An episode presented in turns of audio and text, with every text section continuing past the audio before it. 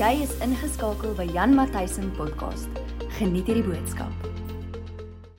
Familie, ek wil wegspring. Ons gaan um by 'n paar gedeeltes wees in die skrif vandag. Ek wil vandag gesels oor gekonfronteer met vrees.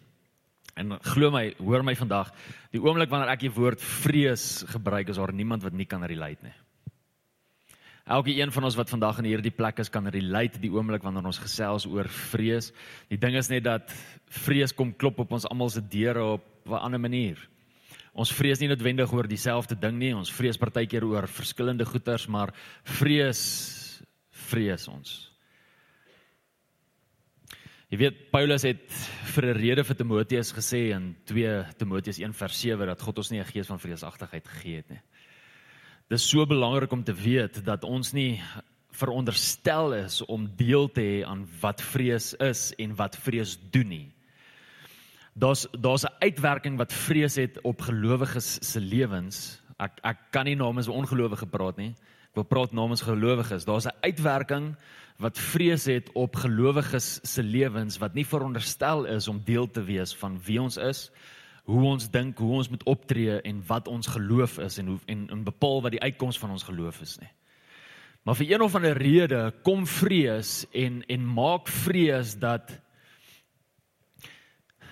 mense wat veronderstel is om soos leeu's op te tree, soos huiskatte optree.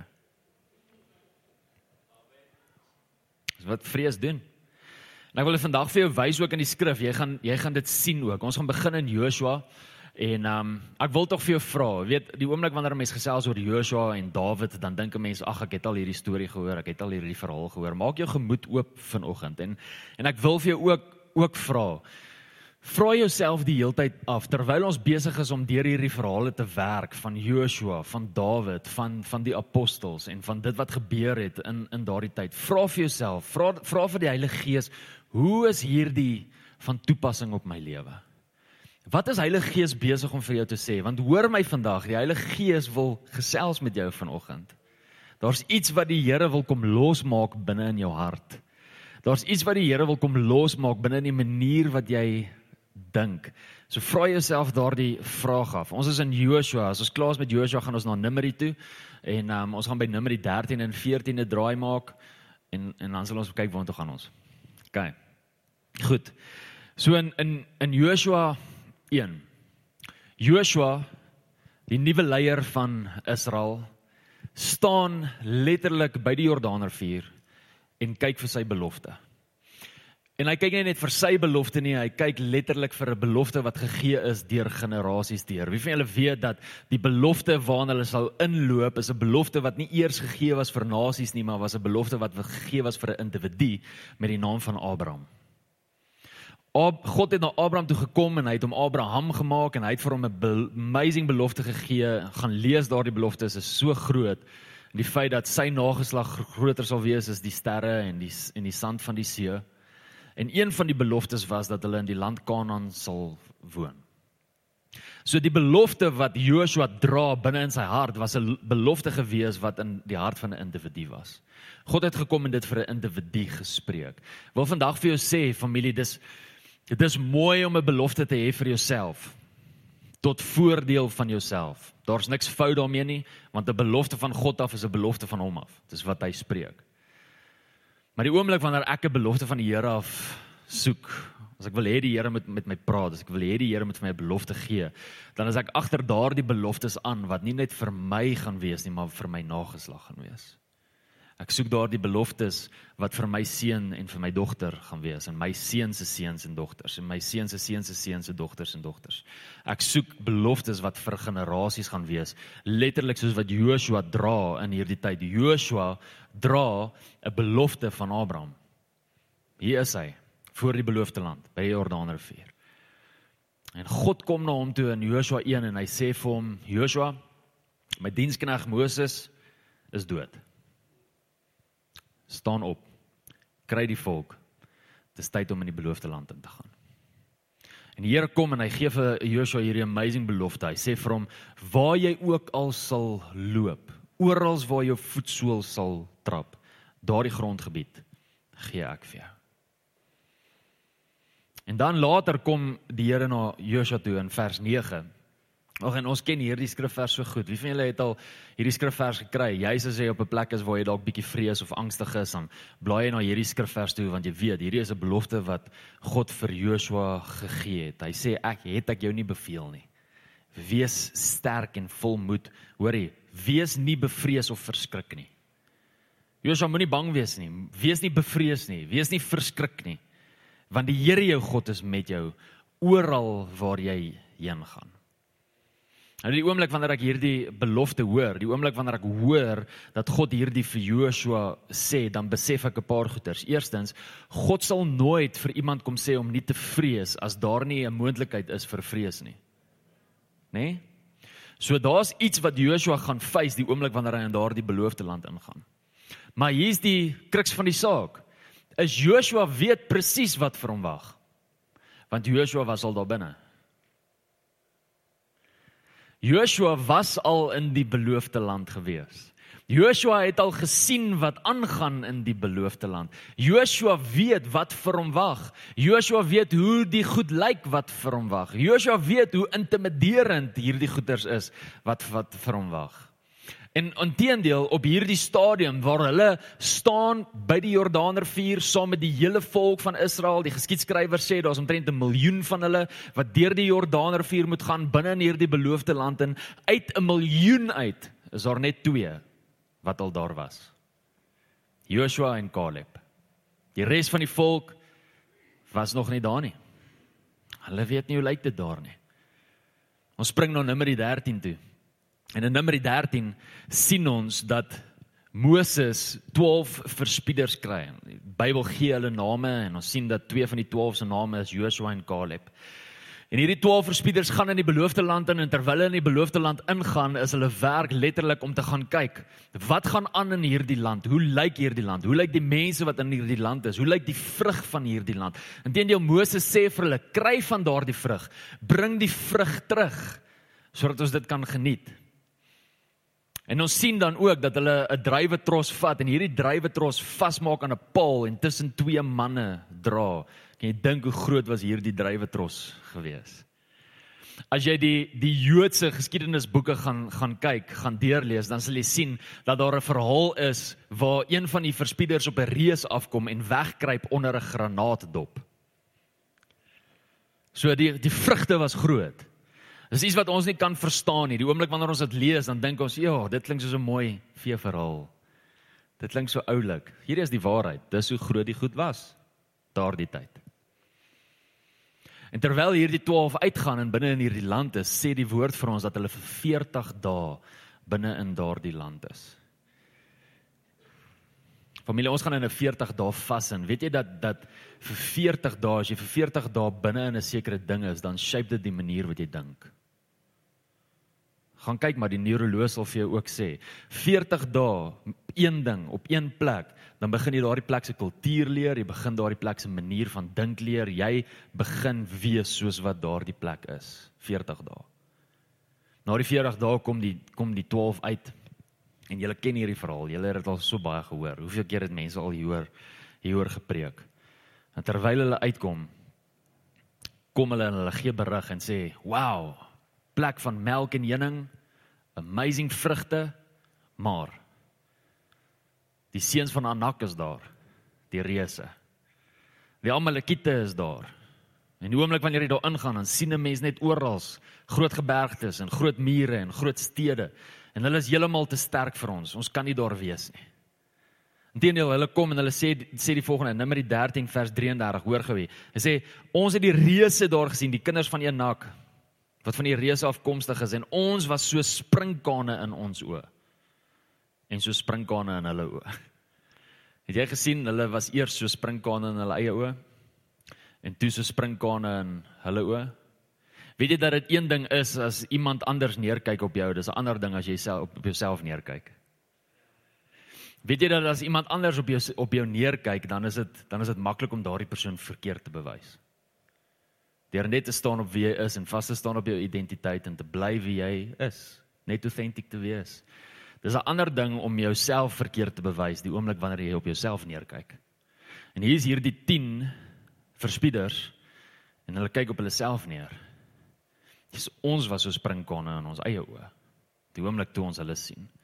Hulle is so oorweldig deur die grootheid van daardie reuse dat hulle vergeet wie hulle is. Dat hulle vergeet wie hulle God is, dat hulle vergeet hoekom hulle daar ingegaan het, hoekom God hulle gestuur het, wat hulle missie was van van daardie plek. Hulle ber, hulle bring so 'n berig dat die hele volk van Israel in daardie tyd sê ons wil nie meer vir Moses en Aaron as ons leiers hê nie. Kom ons kry vir ons eie leier, gaan lees in Numeri 14. Kom ons kry vir ons 'n ons eie leier, 'n ander leier en kom ons gaan terug Egipte toe. Want dit was heeltemal net beter daar. Die oomblik toe daardie gerig uitkom, kom Joshua en Caleb en Joshua en Caleb bring 'n ander berig as dit wat die 10 gebring het. Daardie berig maak nie eers dat hierdie mense hulle mind verander nie. Nou nou net gou 'n vraag. Was Joshua en Caleb in 'n ander land? Het het hulle nie ook reuse gesien nie? Het hulle nie ook die Amalekiete gesien nie? Het hulle nie ook die sterk stede gesien nie? Het hulle nie ook al daai goed gesien nie? Hoe hoe is dit dat daar uit uit 12 mense 10 is wat die negatief raak sien en 2 is wat die positief raak sien?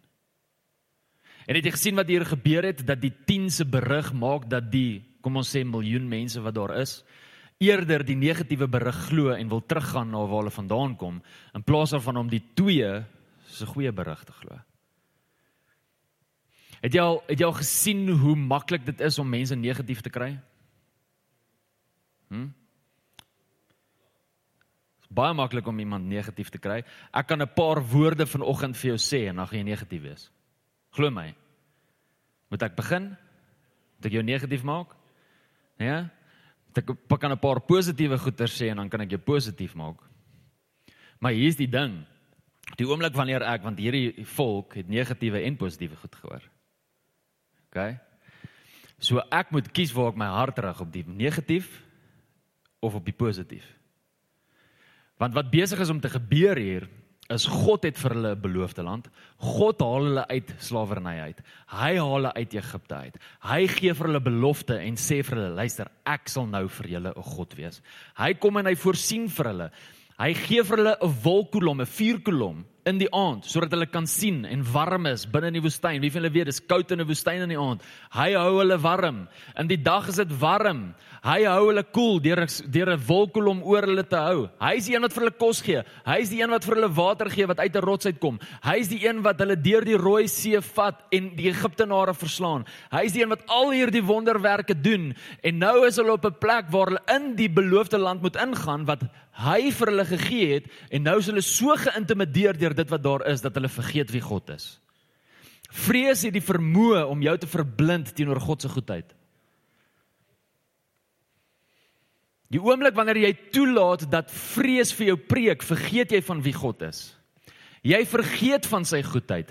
Jy vergeet van wat hy al vir jou gedoen het en jy vergeet wat hy al vir al sy ander kinders gedoen het. Want jy's so geïntimideerd deur hierdie ding wat vrees wakker maak in jou hart. Vrees maak dat jy eerder glo wat jy sien in plaas daarvan om te glo wat gespreek is. Dis wat vrees gedoen het. Vrees het gemaak dat hierdie 10 mense gemaak het, nee, hierdie 10 mense se berig het gemaak dat 'n miljoen mense eerder geglo het wat hulle gesien het. In plaas daarvan om te geglo het wat God gesê het. Vrees sal maak dat jy vergeet van jou belofte. Vrees sal maak dat jy sal vergeet van dit wat God gesê het vir jou. Want hierdie ander ding wat voor jou staan is heeltemal te oorweldigend. Maak dit prakties in jou lewe. Wat staan in jou hart op as ek met jou praat oor ons land? Oor die ekonomie van ons land. Oor ons parlement, oor ons regering, oor ons president, oor die korrupsie. Oor COVID-19. Wat gebeur hier binne in jou hart? Wat gebeur as ek met jou praat oor Eskom? Sien nou klomp klomp negatiewe goed, né? Nee? Gesê. Wat gebeur in jou hart as jy hierdie goeters hoor? Ek wil vandag vir jou sê as hierdie goed wat ek nou opgenoem het maak dat jy 'n groter ag het vir daai as wat jy ag het vir God se woord, is daar iets fout. Hoeveel keer het jy al gehoor dat mense sê daar's nie hoop vir ons land nie? Ek wil vandag vir jou sê, die hoop lê nie in jy wat sê daar is nie hoop in ons land nie. En jy wat sê daar's nie hoop in ons land nie, kuier te min by Jesus. Dis hoekom jy sulke nonsens kwytraak. Jy moet by Jesus uitkom. Daar's hoop vir ons land, want ons hoop lê nie in 'n politieke party nie, ons hoop lê nie in ons ekonomie of in geld of in ons ons resources wat in Suid-Afrika is nie. Ons hoop lê in 'n koning met die naam van Jesus Christus. Dis hoekom ons hoop het binne in ons land. Wie vind dit al gehoor, daar's nie 'n toekoms vir ons kinders in ons land nie. Weet jy wat se doodspreek jy oor jou eie kinders? Nie oor my kinders nie, want ek spreek nie dit oor my kinders se lewe nie. Daar's 'n toekoms vir my kinders in hierdie land. My kinders sal seef hier binne in hierdie land. As jy sê daar's nie hoop vir ons kinders, ons kinders in hierdie land nie. Die woord sê in Spreuke sê dat lewe en dood lê in die mag van die tong en hy wat dit gebruik sal die vrug daarvan dra. Jy spreek dood oor jou eie kinders se toekoms. Dan kry jou kinders nie werk nie en dan wonder jy hoekom? Want jy ma, jy pa het dit gespreek. Jy moet reg praat. Want vrees het gemaak dat jy sekere goeie sê. Want jy kyk te veel vir News24 in plaas daarvan om te kyk vir die letters binne in jou Bybel. Dis hoekom jy sê wat jy sê. Dis hoekom jy dink soos wat jy dink. Daar's 'n ander man. Sorry, terug na Josua toe voordat ons na 'n ander man toe gaan. So hier is Joshua. Hy staan by die Jordaanrivier. Hy dink terug aan wat alles gebeur het en gaan lees bietjie die verhaal in Numeri 13 en 14. Kom kom ek sê net vir jou in 'n nutshell wat gebeur het. Die Israeliete wil nie gaan nie. God daag letterlik op in sy glorie, daag letterlik op by die tent. Praat met Moses, sê vir Moses hy gaan hierdie hele volk uitroei en hy sal vir Moses 'n nuwe volk gee en Moses tree in en sê Here asseblief nie. Wat gaan die mense sê as jy dit doen? Dink tog net aan aan wat die ander mense gaan sê as jy dit doen. En God spaar hulle en God sê, "Oké, okay, goed maar ek sal nie enige iemand van die ouderdom 20 jaar en op in die beloofde land invat nie. Niemand. En hy sê dit vir die mense en die mense kom en die mense sê vir Moses, ons is so jammer. Ons het gesondig teenoor die Here. En hulle sê onder mekaar, ons gaan gaan slaap, ons gaan 'n goeie nagrus kry en môreoggend gaan ons optrek binne in die beloofde land in. En hulle kom na Moses toe en hulle sê vir Moses, Moses, môre gaan ons optrek in die beloofde land in. En Moses sê vir hulle, moenie optrek nie want God is nie saam met julle nie. En raai wat? Hulle trek op en raai wat? Hulle word almal verslaan. Wat interessant is, nê, nee, weet jy wat's interessant is dat God se belofte is dat jy daar moet ingaan. God se belofte is dat hulle in die beloofde land moet wees. Wie vir weet dat as God se belofte en sy teenwoordigheid nie gepaard is nie, dan beteken sy belofte nie baie nie. Jy weet dat dat die oomblik toe God sy teenwoordigheid onttrek, het sy belofte nie meer krag gedra nie. Hulle was in die beloofde land in, dit was bestem vir hulle, maar sy teenwoordigheid was nie meer daar nie. En hulle word verslaan. En terwyl Joshua daar staan, sien ons dat God vir Josua sê Josua gaan in moenie bevrees nie. Vir die volgende sê dat God staar hom nie blind aan aan dit wat ons moet face nie. God God staar hom nie blind aan die goed wat ons intimideer nie. God staar hom nie blind aan aan dit wat ons teenkanting gee nie. Hy staar hom nie self blind aan dit nie. Hoekom dink jy sê God vir Joshua, Joshua moenie bang wees nie. As God homself blind gestaar het teenoor die moeilikheid, teenoor die intimidasie, teenoor dit wat opstaan teen Joshua, dan sou hy niks vir Joshua gesê het nie. Hy staar hom nie blind daaraan nie. Die Here weet jy gaan deur moeilike tye. Die Here weet daar's goed wat teen jou opstaan. Die Here weet daar's moeilike omstandighede. Die Here weet daar's goed wat maak dat daar vrees in jou hart opstaan. Hy weet dit. Wat sê hy daarvan? Moenie bang wees nie. Ek is by jou ek is by jou. Het jy al vers 7 en 8 gelees van Josua 1? Ons almal hou van 'n belofte, nê? Nee. Baie min van ons soek die gehoorsaamheid wat gepaard gaan saam met die belofte. Ons soek net die belofte. Ons soek net die vrug van die belofte. Ons is nie ons is nie noodwendig bereid om die prys van gehoorsaamheid te betaal om die belofte te kry nie. Hoor wat sê vers 7. Vers 7 sê: "Wees baie sterk en volmoed om nou geset te handel volgens die hele wet wat Moses, my knegg, jou beveel het. Wees nou geset, wandel volgens dit wat ek vir Moses gesê het. Wyk daarvan nie regs of links af nie sodat jy met goeie gevolg kan handel oral waar jy mag gaan. Hoor vers 8. Hierdie wetboek mag nie uit jou mond wyk nie. Met ander woorde, spreek die goed wat ek spreek. Moenie ander goeie spreek nie. Sê wat ek sê. Bepeins dit dag en nag. Mediteer op die goed wat ek sê. Moenie mediteer op die goed wat jy op News24 lees nie. Moenie mediteer op die goed wat jy op Facebook lees nie. Mediteer op die goed wat ek sê. Vir jou. Joshua kan so bly as hy nie Facebook gehad daai tyd nie. Die mense is om uitmekaar uitgetrek. Wie's hierdie ou? Hy bid dat die son stil staan. En dan wie gee vir hom die vermeetheid om te dink hy mag bid dat die son stil staan. Hy die son het stil gestaan. Maar bepeins dit dag en nag sodat jy nou geset kan handel volgens alles wat daarin geskryf is. Hoor wat hoor dan, hoor, want dan sal jy in jou weë verspoedig wees. En dan sal jy met goeie gevolg handel. Wees nie bevrees nie, maar ek is met jou, sê die Here. Wil vandag vir jou sê, kind van die Here, dat gehoorsaamheid aan die Here se stem oploop na deurbraak teenoor dit wat sy stem gesê het. Maar baie mense soek net die deurbraak. Min mense soek die gehoorsaamheid of wil gehoorsaam wees. Hulle wil net die deurbraak hê. Daar's gehoorsaamheid wat lei na deurbraak toe. Ek, ek gaan ek gaan dit net daar los. Anders gaan ek nou op 'n rand gaan. 1 Samuel 17. Dawid. Dawid was 'n jong man rooi hare en sproete soos wat ek hom picture. Die Bybel sê hy was rooi tot aangesig, so ek sien hom as rooi hare, sproete, soos trompie. Jy laat vir trompie sien.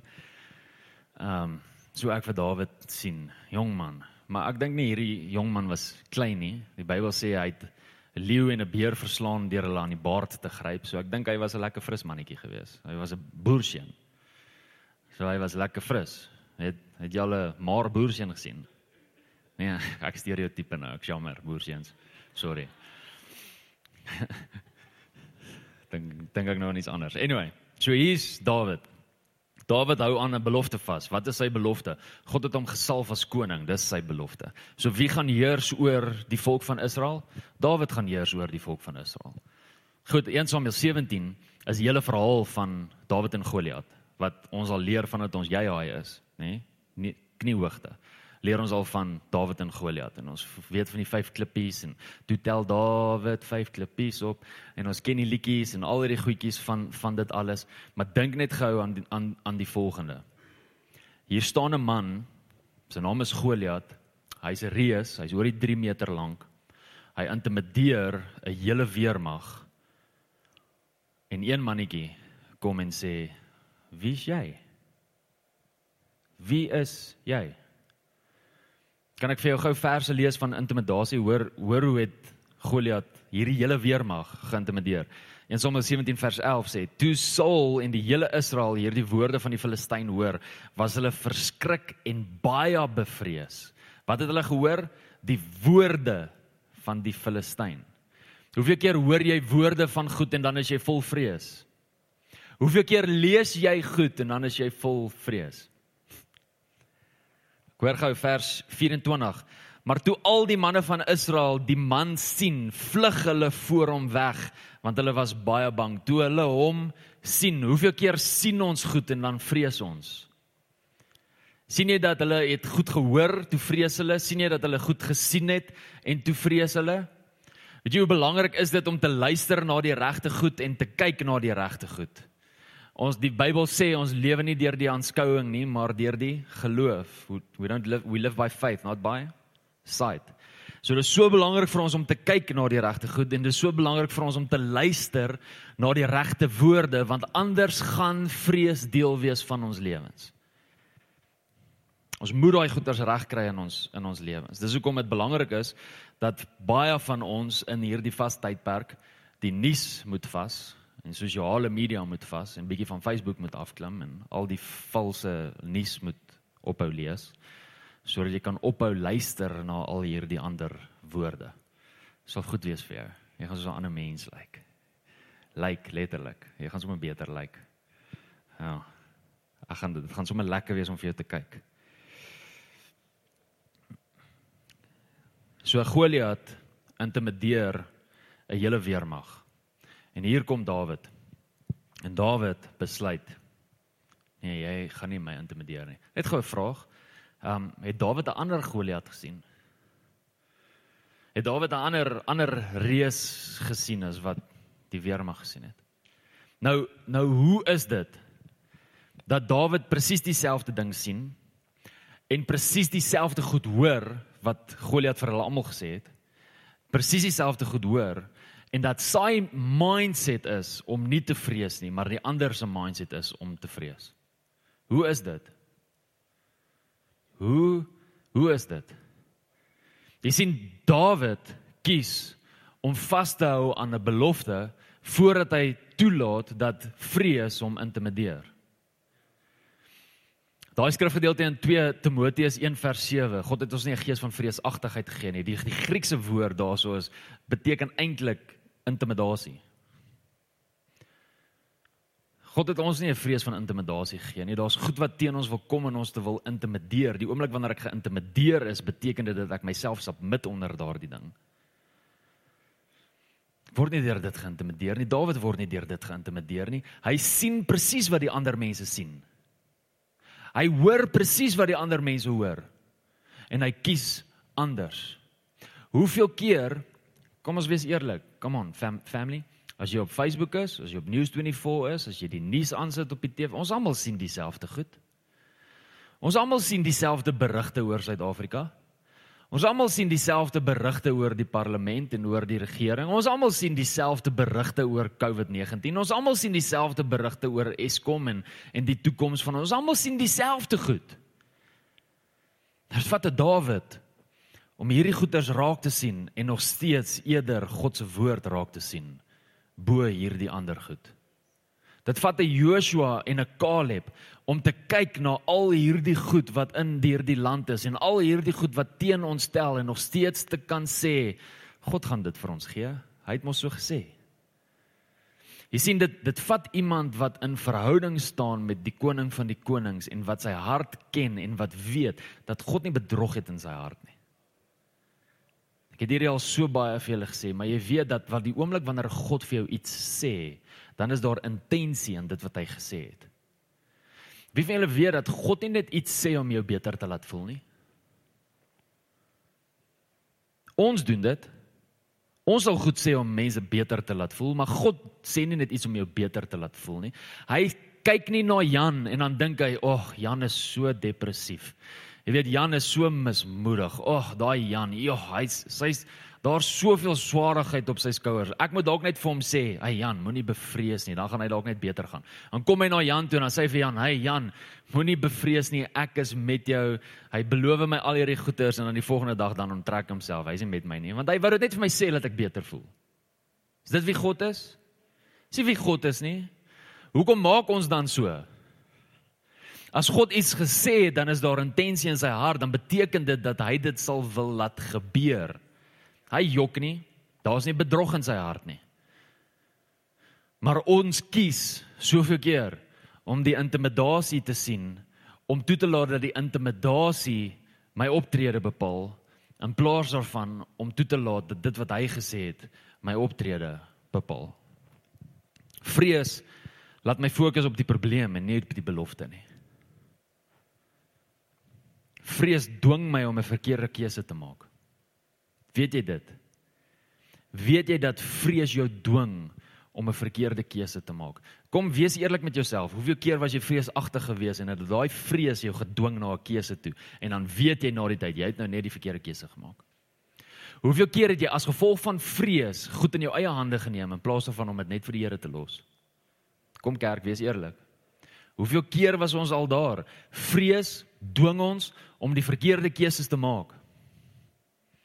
Ons kan nie toelaat dat vrees ons geloof bepaal nie. Ons kan nie toelaat dat vrees maak dat ek 'n sekere optrede het nie. Ek sien dit oor en oor in kinders van die Here se lewens. Hulle is besig om goed aan hulle lewens toe te pas. Hulle is besig om sekere maatreëls, sekere beginsels volgens sekere goeders te lewe omdat hulle bang is en dan bring hulle al hierdie goeders aan. Ek sien dit. Ons kan nie dit toelaat nie. Ons kan nie toelaat dat vrees hierdie optredes bepaal nie. Ons moet toelaat dat God se woord hierdie optredes bepaal. Ek kan nie toelaat dat dit wat ek sien maak dat ek nie meer geloof het nie. Ek kan nie toelaat dat dit wat ek sien maak dat ek nie meer op God wil vertrou nie. Ek het nodig om vas te hou op dit wat God sê. Maak nie saak wat ek sien nie, ten spyte van dit wat ek met my fisiese oë sien, om letterlik te kan sien soos wat Joshua gesien het, om letterlik te kan sien soos wat Dawid gesien het. Dawid het dieselfde reus gesien as wat die ander gesien het, maar Dawid het 'n geleentheid gesien. Die ander mense het weggehardloop as gevolg van vrees. En in hierdie tyd waarin ons vandag lewe, het ons nodig dat Dawid sal opstaan om sekere oorwinnings te kan behaal, want daai oorwinning wat Dawid behaal het, was vir 'n nasie, nie net vir homself nie. Weet julle dit? Dat die oomblik toe hy daai klip optel en daai klip bære binne in Goliat se hoof en Goliat letterlik dood is, nê? Nee? En hy Goliat se swaard optel en Goliat se kop afkap. No weapon formed against you shall prosper. Daai weapon wat gevorm was, het Dawid gebruik teen die een wat daai weapon wou gebruik het. Nou kan ek nie onthou wat ek wou sê nie. God sense, nie common sense nie. Dankie oom Nik. Dit is so belangrik vir ons om te kan optree soos Dawid en 'n oorwinning te kan behaal en te weet dat die oomblik wanneer ek oorwin in hierdie saak, ek weet dat dit nie net oorwinning gaan wees vir myself nie, maar dit oorwinning gaan wees vir my vrou, dat dit oorwinning gaan wees vir my kinders, dat dit oorwinning gaan wees vir 'n nageslag, dat ons oorwinning kry vir 'n kerk, vir 'n groep mense, dat ons oorwinning kry vir 'n dorp, die oomblik wanneer ons nie toelaat dat hierdie goeters ons intimideer nie. Dit is die hart van 'n Dawid. Dis hoe ons moet optree spring net gou terug na Numeri 14 toe. Ek wil vir jou gou iets wys. Numeri 14 vers vers 24. Hoor hoor wat sê God van Kaleb. OK. Hierdie is hierdie is waar God sê niemand bo 20 sal in die beloofde land ingaan nie. Ek skwaad vir almal niemand bo 20 gaan ingaan nie. En dan en dan sê hy, hoor hier, vers 24 sê hy, maar my knegg Kaleb omdat 'n ander gees in hom was. Caleb en Joshua het 'n ander gees gehad wat in hulle was. Jy weet hulle het nie toegelaat dat enigiets hulle intimideer nie. Hulle het gesien wat God gesien het. Hier is die beloofde land. Is die beloofde land skoon? Wag die beloofde land vir hulle. Die huise is klaar gebou, die wingerde is klaar reg, die vuurtjie is klaar aangesteek en die koffie en die teeketel en al die goedjies is reg. Ons wag net vir die Israeliete om in te trek. Daar sê julle kom vat maar net alles. Ja. Dis nie hoe dit was nie. Daar's teenkanting. Daar's goed binne in daardie plek wat nie wil hê hulle moet daar wees nie. Maar die oomblik toe Joshua en Caleb al daai goeie sien, sien hulle nie die teenkanting nie, hulle sien wat God sien. Hulle sien die blessing, hulle sien hoekom die Here hulle daar wil hê. Hulle sien juis hulle sê hierso, hierdie land is 'n buitengewone goeie land. Dis nie net 'n goeie land nie. Dis 'n buitengewone goeie land. Ek wil vir jou sê dat dit net iemand is wat tyd saam met God spandeer wat sal kan sê dat Suid-Afrika 'n buitengewone goeie land is.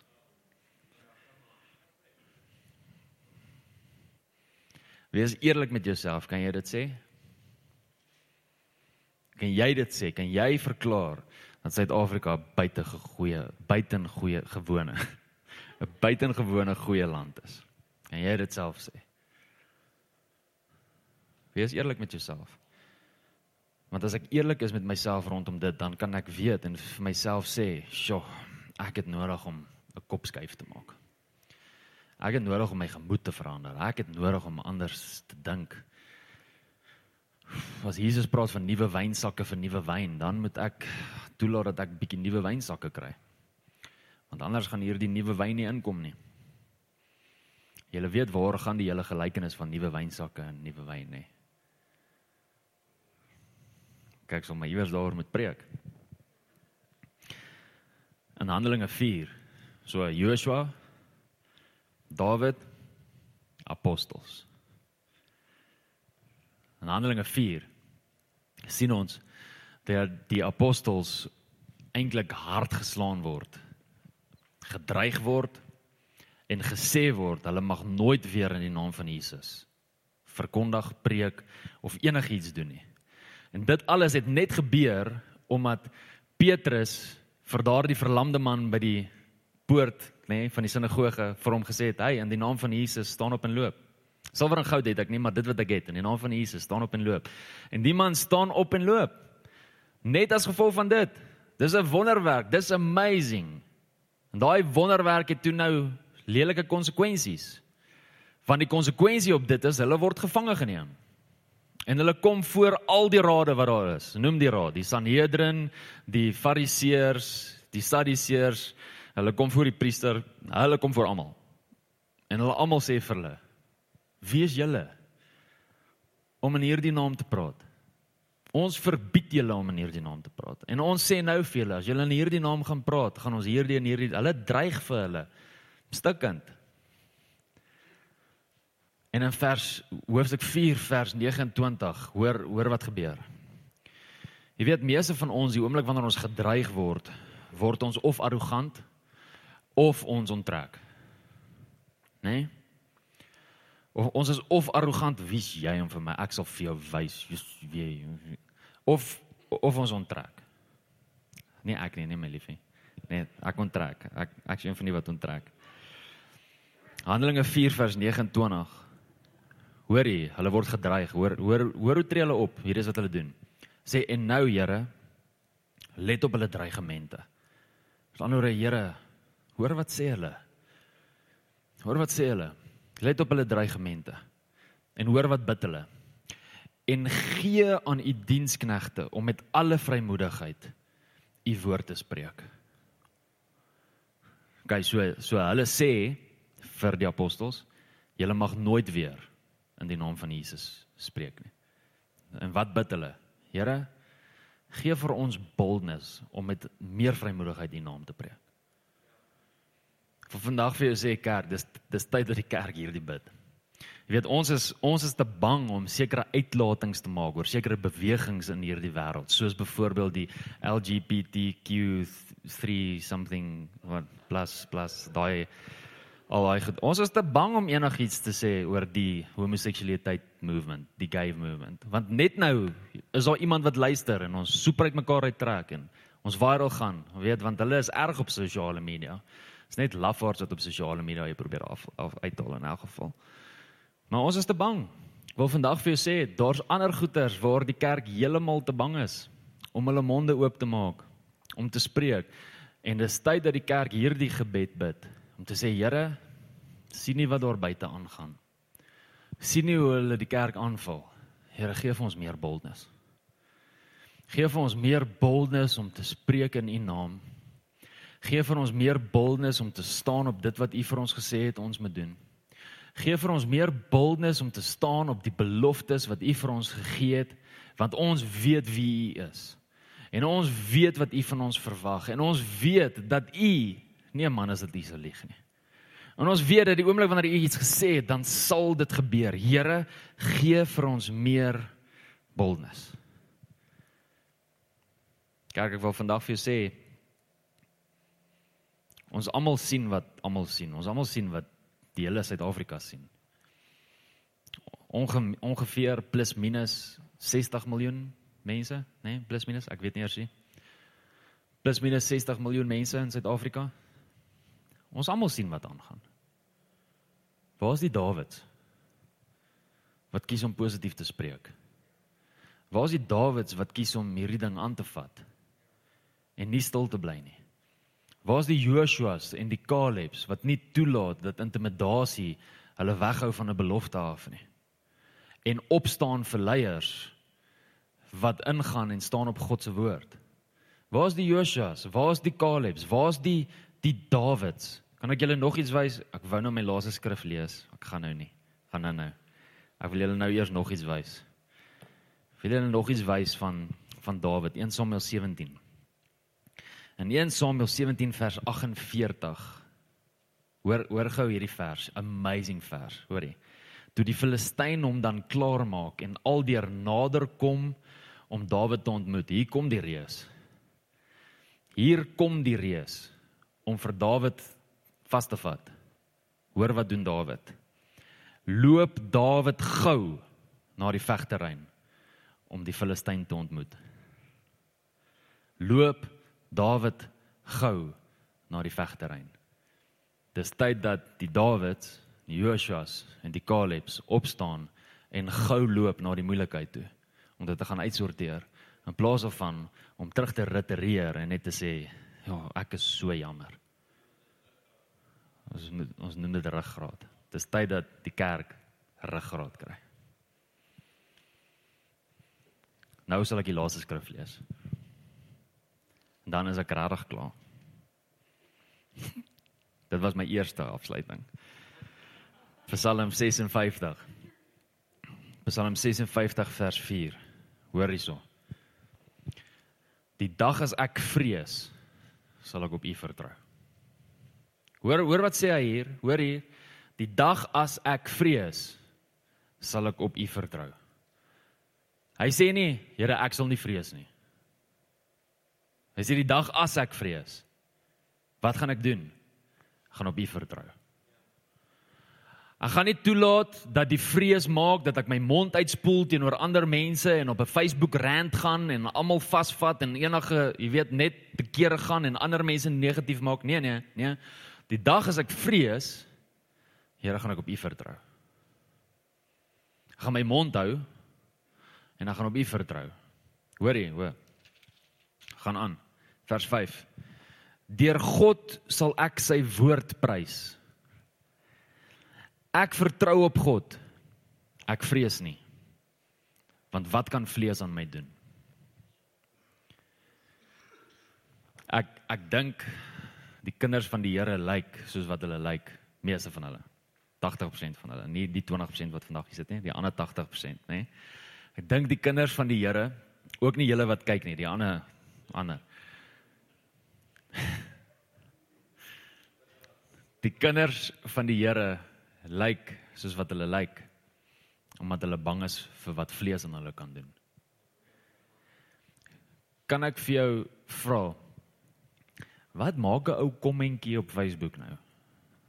As iemand nou nie met jou saamstem op Facebook nie, wat maak dit nou aan jou? Haai sies tog. Shame.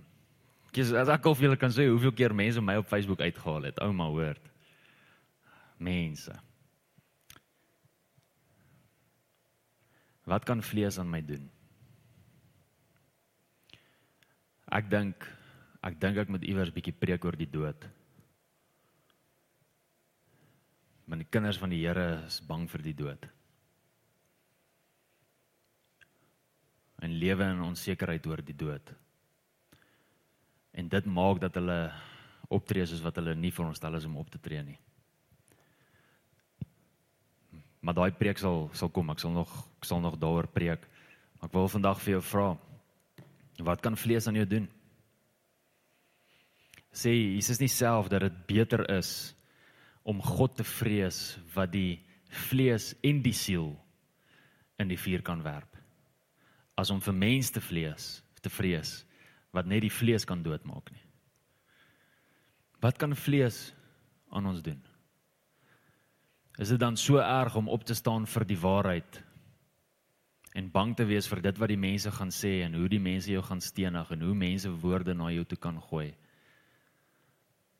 So erg en so bang vir dit dat ons besluit ons sal nou nie meer staan vir waarheid nie. Vir sê dat op hierdie stadium is die minority, die minderheid is besig om te bepaal hoe die kultuur van die wêreld moet lyk. Die minderheid omdat die meerderheid nie wil opstaan nie.